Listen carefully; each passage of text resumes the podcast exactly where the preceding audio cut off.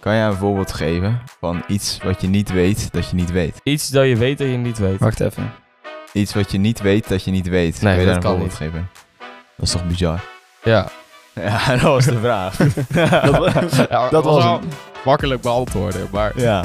Hoi, leuk dat je luistert naar Elementary, de podcast waar we praten over geloofsvragen. Hoe maak je tijd vrij voor God? Bestaat God wel en hoe lees je de Bijbel? Ik zou zeggen, ga er lekker bij zitten, pak een kop koffie en dan gaan wij beginnen. Jongens, vandaag een nieuwe aflevering. We zijn hier met Evert Floor. Evert Floor Tom. That's right. Evert is eh, een van de slimste mensen van New Generation. Ik denk dat veel mensen jou aanwijzen dan. Dus accepteer de compliment maar gewoon. Dankjewel, ik accepteer Ehm, hem. Maar Evert is er vandaag gewoon bij om, eh, om met ons mee te praten over de volgende vraag. Kan je 100% zeker weten dat God bestaat? Nou, wat ik meteen had eigenlijk bij deze vraag is dat ik de vraagstelling lastig vond. In de zin dat, ehm, kan je 100% zeker weten dat God bestaat?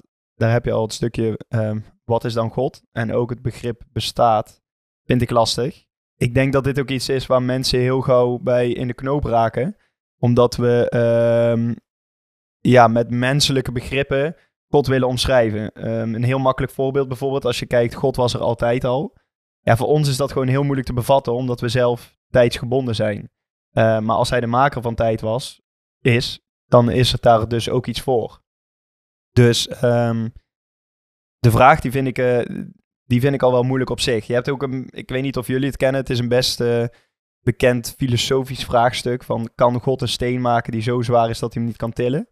Ik weet niet of je dat kent. Heb ik wel eens gehoord, ja. Het antwoord is eigenlijk, hij kan en die steen maken en toch kan hij hem tillen. Omdat het referentiekader is verkeerd. Want we proberen op dat moment met menselijke begrippen, proberen we uit te leggen wat iets bovenmenselijks is. Dus ik denk dat het wel lastig is om zo'n vraag te beantwoorden. Ik denk ook dat als je ehm, God helemaal zou kunnen begrijpen met je verstand, is het dan nog wel God? Dat is misschien ook weer een vraag op zich. Maar ik denk zeker wel dat er punten zijn die we kunnen gaan benoemen in deze podcast. Eh, die voor mij in ieder geval wel pleiten voor Gods bestaan. Ja, dus het is lastig om het wetenschappelijk te onderbouwen, zeg je. Evert, heb jij daar misschien wel iets over te zeggen?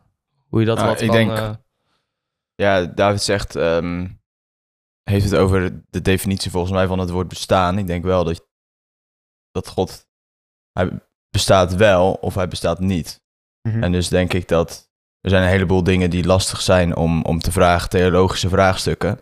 Ehm, maar dit is meer een zwart, een zwart-wit iets. Dus ehm, ik denk wel dat dit, ja, deze vraag wel te, te, te, eh, beantwoorden is. Mhm. En ik denk dat het antwoord nee is. En voor mij is dat juist een argument voor God, omdat het komt altijd, uiteindelijk komt het altijd neer op een keuze. Wil jij in God geloven, ja, of wil jij niet in God geloven?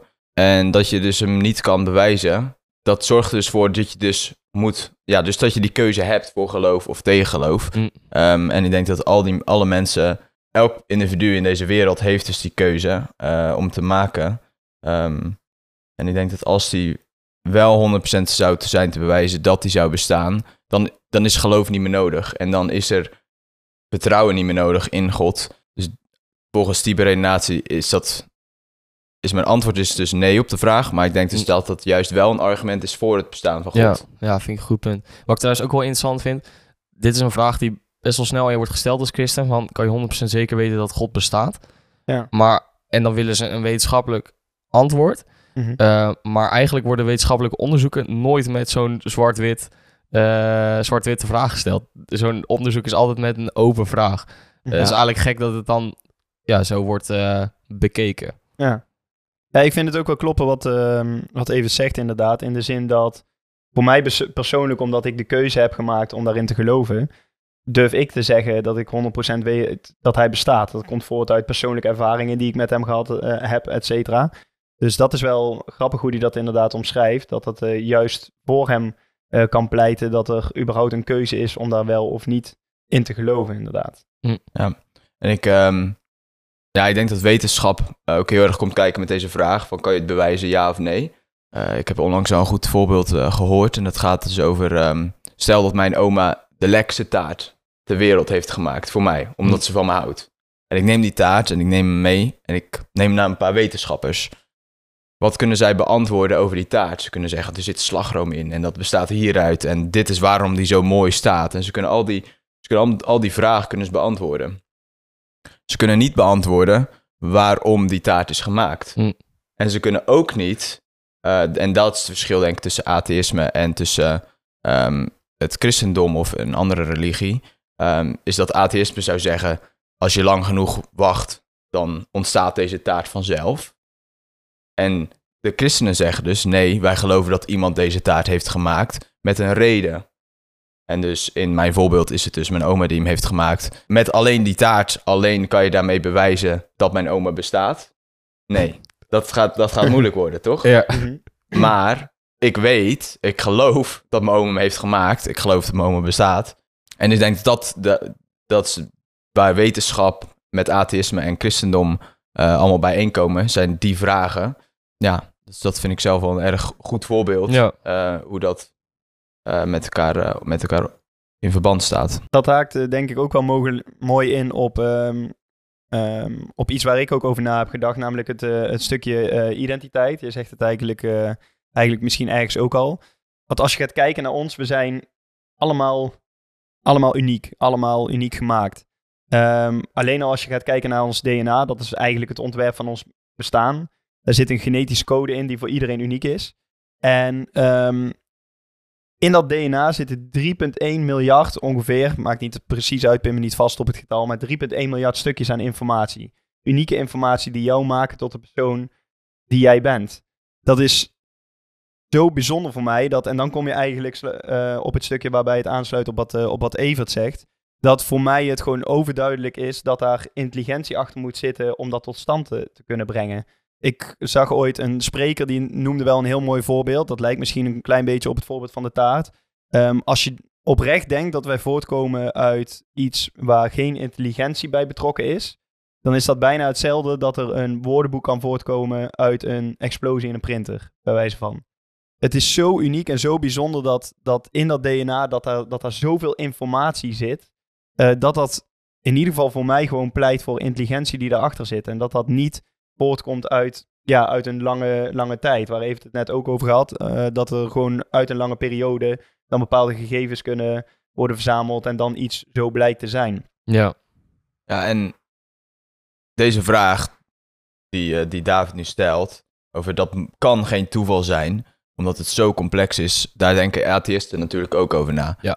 En ehm, evolutietheorie dachten mensen van, oh, daar kunnen we Gods bestaan mee ontkrachten. Dat kunnen ze dus tegenwoordig niet meer, omdat er zo ongelooflijk complex is, de schepping, of eh, de wereld, eh, hoe je het wil benamen, de universum, eh, is dat ze daar dus... ehm, dat ontkracht het bestaan van God niet meer. En dus zijn er nieuwe theorieën, komen ze dus elke keer met nieuwe theorieën, om dat dus wel te kunnen doen. En dus de theorie die hier dus op ingaat, heet dus het multiversum. En die geloven dus dat er oneindig veel universums zijn. En dus als je oneindig hebt, dan is de kans, als de kans 0,0001 is dat er een explosie in de printer en er komt een woordenboek uit. Ja. Als je dan oneindig keer doet, dan komt het ooit wel een woordenboek uit. En dus het zo pareren ze het. Ehm, maar goed, dan is weer de vraag.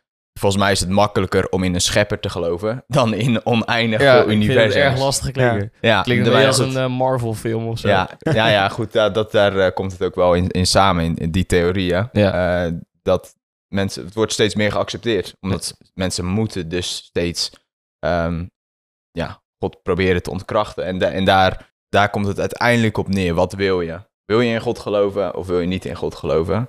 En ik denk dat we dat ook zien eh, in handelingen. Begin van handelingen is waar eh, de uitstorting van de Heilige Geest hebt. Komen de mensen, en, eh, ik zal even context geven. Ehm, Jezus is gestorven, is opgestaan en naar de hemel gevaren. En hij zegt, ik zal een helper sturen. En hij stuurt de Heilige Geest. En op het moment dat alle discipelen bij elkaar komen, dan komt die Heilige Geest dus. En, en mensen gaan dus in, kunnen dus opeens in alle eh verschillende talen spreken. En ze zien vlammetjes op elkaars hoofd.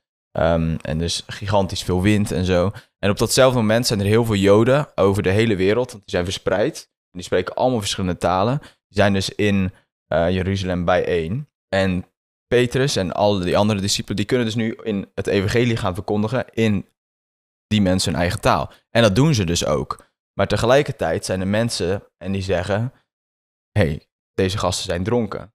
Maar als ik opeens nu in het Chinees ga spreken, dat is heel anders dan als ik, in als ik dronken zou zijn, toch? Dus, maar je kan dus altijd een excuus Ja. gaan zoeken waarom je iets niet wil geloven. En ik denk dat dat altijd uiteindelijk komt het neer op de vraag: wil jij geloven Mm. of niet? Ja, dus je zegt eigenlijk dat je die, die, die gaps ook moet onderbouwen als christen. Dus het is niet, je kan altijd God erin schuiven. Je moet ook als christen moet je het onderbouwen, moet je eh, op zoek gaan. En Ja. dat is bij de ene, ene gap is het lastiger dan de andere. Ja, Ehm, ja. Maar dat is wel iets dat je eigenlijk zou moeten doen. ja, ja, dat denk ik wel, ja. Ja. Ja. Ja. Wat denk jij ervan, David? Ja, ik, eh, ja, ik ben het daar wel mee eens eh, eh, wat hij zegt. Ehm, een ding dat ik zelf, misschien totaal ander onderwerp, maar waar ik ook wel veel mee bezig ben, is de morele standaard die we hebben. Dat vind ik ook wel heel belangrijk om, daar, eh, om daarover na te denken. En waarom? Omdat ehm, we heel gauw al zelf een definitie willen vormen van bijvoorbeeld goed en fout. Hè? Dus alle argumenten die wij bijvoorbeeld nu ook eh, eh, benoemen, daar kunnen eh, kijkers of luisteraars bijvoorbeeld ook van vinden, is dat goed en fout.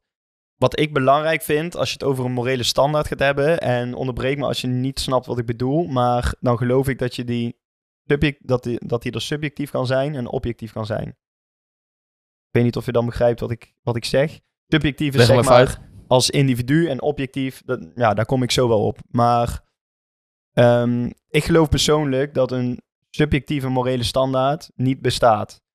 Eh, dat klinkt misschien best wel, best wel lomp, want ik geloof best wel dat we in de basis... In de basis kunnen we bijvoorbeeld best wel begrijpen ehm, wat goed voor ons is. Ik denk dat we daar allemaal wel een aardige invulling aan kunnen geven. Eh, als Evert bijvoorbeeld mijn buurman is, dan eh, kan ik best met hem overeenkomen. En hij denk ik ook wel andersom. Dat het wel gunstig zou zijn als wij in vrede met elkaar leven. Ik denk dat dat bijvoorbeeld het beste voor ons is. Dus dan is onze subjectieve morele standaard, dus als individuen, allebei apart, Ja. komen we tot de conclusie, ja, dat de, eh, de vrede bewaren tussen ons twee, dat is wel de beste optie.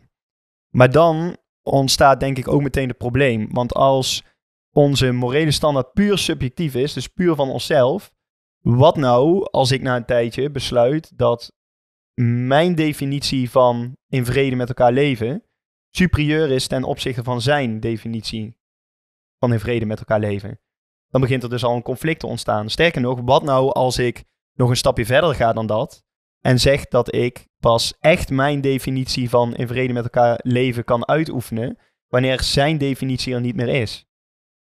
Snap je wat ik dan zeg? Dan, dan ontstaat er een conflict. Ehm, en ik geloof, ik geloof daarom dat, eh, tuurlijk kunnen we voor onszelf misschien wel in een bepaalde mate inschatten wat goed of slecht voor ons is. Maar ik denk dat er uiteindelijk een objectieve standaard nodig is. Dus iets wat boven ons uitreikt. En dat zou dan God zijn die ons ingeeft wat eh, goed en fout is om te doen. Ik denk dat wij, we hebben daar ook een naam aan gegeven. Ehm, vele mensen noemen het waarschijnlijk ons geweten.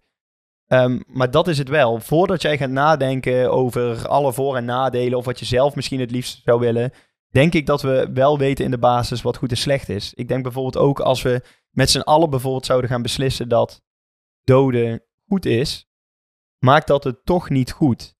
Ehm, het feit überhaupt al dat we dat dan met z'n allen een, een, er een moment van moeten maken dat we het vanaf dan goed gaan verklaren, zegt dus dat het dat eerst niet is geweest. En het feit dat we dat allemaal in de basis weten, dat zegt iets over een objectieve standaard. Dat is iets wat ons is ingegeven, denk ik. Dus dat is iets waar ik ook nog wel eh, heel veel mee bezig ben. En waarvan ik ook denk dat het dus voor God pleit. Omdat we die objectieve standaard hebben. En niet Hm. subjectief alleen. En zie je dat dan ook bij, bij atheïsten, bij ongelovigen, dat zij alsnog zeg maar een objectief moraal met je delen? Nou ja, zij kunnen in principe geen objectieve morele standaard met me delen. In de zin dat, waar komt die dan vandaan? Want als die van hun als individu komt, dan is het een subjectieve morele standaard. En als het van hun allemaal bij elkaar komt, dan is het nog, nog niet per se objectief. Dan zijn het hun individuele... Ja, maar je deelt natuurlijk wel veel morale standaarden, zoals het doden is niet goed. Dat deel je met Ja, vrijwel maar waarom de is dat niet goed? Dat, dat is een beetje het ding. Nee, precies, maar dat is dan toch een objectief moraal, Ja, zeg maar, dat je ja. met elkaar deelt. Ja. Eh, dus dat wil eigenlijk zeggen dat niet alleen jij als christen, maar ook atheïsten, zeg maar, eigenlijk een beetje hetzelfde moraal hebben. ja, En ja. dat dat dus uit iets zou voort moeten komen. Ja, precies. Als je het zo, als je het zo stelt, dan, eh, dan klopt het wel wat je zegt. Ja, ik denk dat iedereen die objectieve standaard heeft. Of je nu gelovig of niet eh, gelovig bent. De vraag hoe je daar vervolgens mee omgaat en mee gaat bewegen, ik denk dat dat iets is wat voortkomt. Maar dat gaat alweer wat stapjes verder. Dan ben je zelf aan het relativeren, aan het nadenken over wat uh, komt mij bijvoorbeeld ten goede. Of wat, zou mij wel, ja, wat lijkt mij wel handig uh, als de uitkomst is, ongeacht wat stiekem misschien het juiste is om te doen. Ja, ja, als je daar meer over wil, uh, wil weten, dan moet je Onversneden Christendom uh, lezen van uh, C.S. ja? Lewis. Okay. Ja, heb ik laatst behandeld met de studentenvereniging. Oh, nice. Goeie tip. Dus, Zegt C.S. Lewis ook niet dat je een... Um, je hebt een rechte stok nodig om te kunnen zien dat een, een andere stok krom is. Ja. En dus dat haakt dus ook in in het morele argument wat jij zegt, David. Mm We weten dat moorden niet, niet goed is. Hè? Dat is ons morele kompas. het maakt niet uit of je dat hier aan iemand vraagt, hey, is moorden oké? Of dat ik dat in, uh, in Afrika aan iemand vraag, of in Azië of in Zuid-Amerika. Ze zullen allemaal hetzelfde antwoord geven. Dus er is op de een of andere manier, want we hebben nog nooit met elkaar gepraat. Op de een of andere manier hebben we allemaal datzelfde geweten, toch? En ja. We moeten dus, je moet dus een stok hebben, dus om, een, om te kijken, om te checken van, hey, is deze stok juist of niet? Um, en dus dat is dat objectieve moraal waar jij het over, ja. waar jij het over hebt. En uh, dan is de vraag die atheïsten niet kunnen beantwoorden, is die zeggen dat die stok niet bestaat. Um, en dat is uh, een, een knelpunt. Of nee, volgens mij zeggen zij, die ontstaat uiteindelijk uit zichzelf. Dus ook ja. door evolutie en bla bla bla. Dus dat blijft hun argument, um, is dat dingen uit zichzelf ontstaan. Uh, waar ik denk dat je een heel gro groot geloof voor moet hebben. Misschien wel een grote geloof ja, om zulke dingen te geloven. In geen ja. oorsprong eigenlijk. Precies, uh, net zoals dat die taart uit het niets kan ontstaan. Ja. Um, maar dat is dus met die stok. Je hebt dus die objectieve moraliteit. Um, ja, die moet ergens vandaan komen. En dat is dus God. Die geeft ons, ja. inderdaad, wat David zegt, geeft ons dat geweten. En dus door die stok kunnen wij dus uh, weten wat is juist en wat is onjuist. En dat is dus objectieve moraliteit, wat dus ook pleit voor het bestaan van, van God. Oké, okay, even terugkoppelend naar de vraag. Uh, kun je 100% zeker zeggen dat uh, God bestaat? Ik denk dat we er alle drie wel over eens zijn dat we dat niet met 100% zekerheid kunnen zeggen. Uh, net als dat wij het ook ja, een beetje gek vinden van atheïsten dat ze dat met zekerheid niet kunnen zeggen over hun geloofsovertuiging. Of nou ja, overtuiging, sorry. Ja. Um, maar daarop volgend hebben wij wel het beeld van... je kan wel zeggen dat je 100% gelooft in God. Dus je kan niet zeggen 100% bestaan, maar ik geloof wel 100%. Dus het is een keuze die je maakt. En daarop volgend zijn er meerdere dingen die toch wel een beetje stiekem de kant van God opwijzen. Zoals een, uh, een taart die wil zeggen dat het is gemaakt. Zoals een moraal die we allemaal hebben, ook uh, ge gemeend met elkaar, uh, atheïsten en ook christenen en andere religies. wat er toch wel een beetje op kan wijzen dat er een schepper is. Dus we kunnen geen uh, ja of nee antwoord geven op deze vraag. Misschien hadden we hem open moeten stellen, maar we vonden het eigenlijk ook wel een interessante invalshoek zo. Ja. Dus ik wil zeggen, bedankt voor het luisteren. Uh, ik hoop dat je er wat aan hebt gehad. Nu wil ik je wel gewoon vragen, wees gewoon kritisch op deze, deze podcast. Wij zijn alle drie jongeren met een ja, best wel christelijk verleden. Um, dus al geloof jij niet, al vind je dit een lastig onderwerp, laat het gewoon weten. We willen gewoon graag met je erover praten, want wij hebben ook ons eigen referentiekader, ons eigen blik. Uh, dus we willen het gewoon uh, met je bespreekbaar maken. Uh, dus neem contact met ons op. laat het horen in, in de comments. En bedankt voor het luisteren. Tot, tot de volgende aflevering.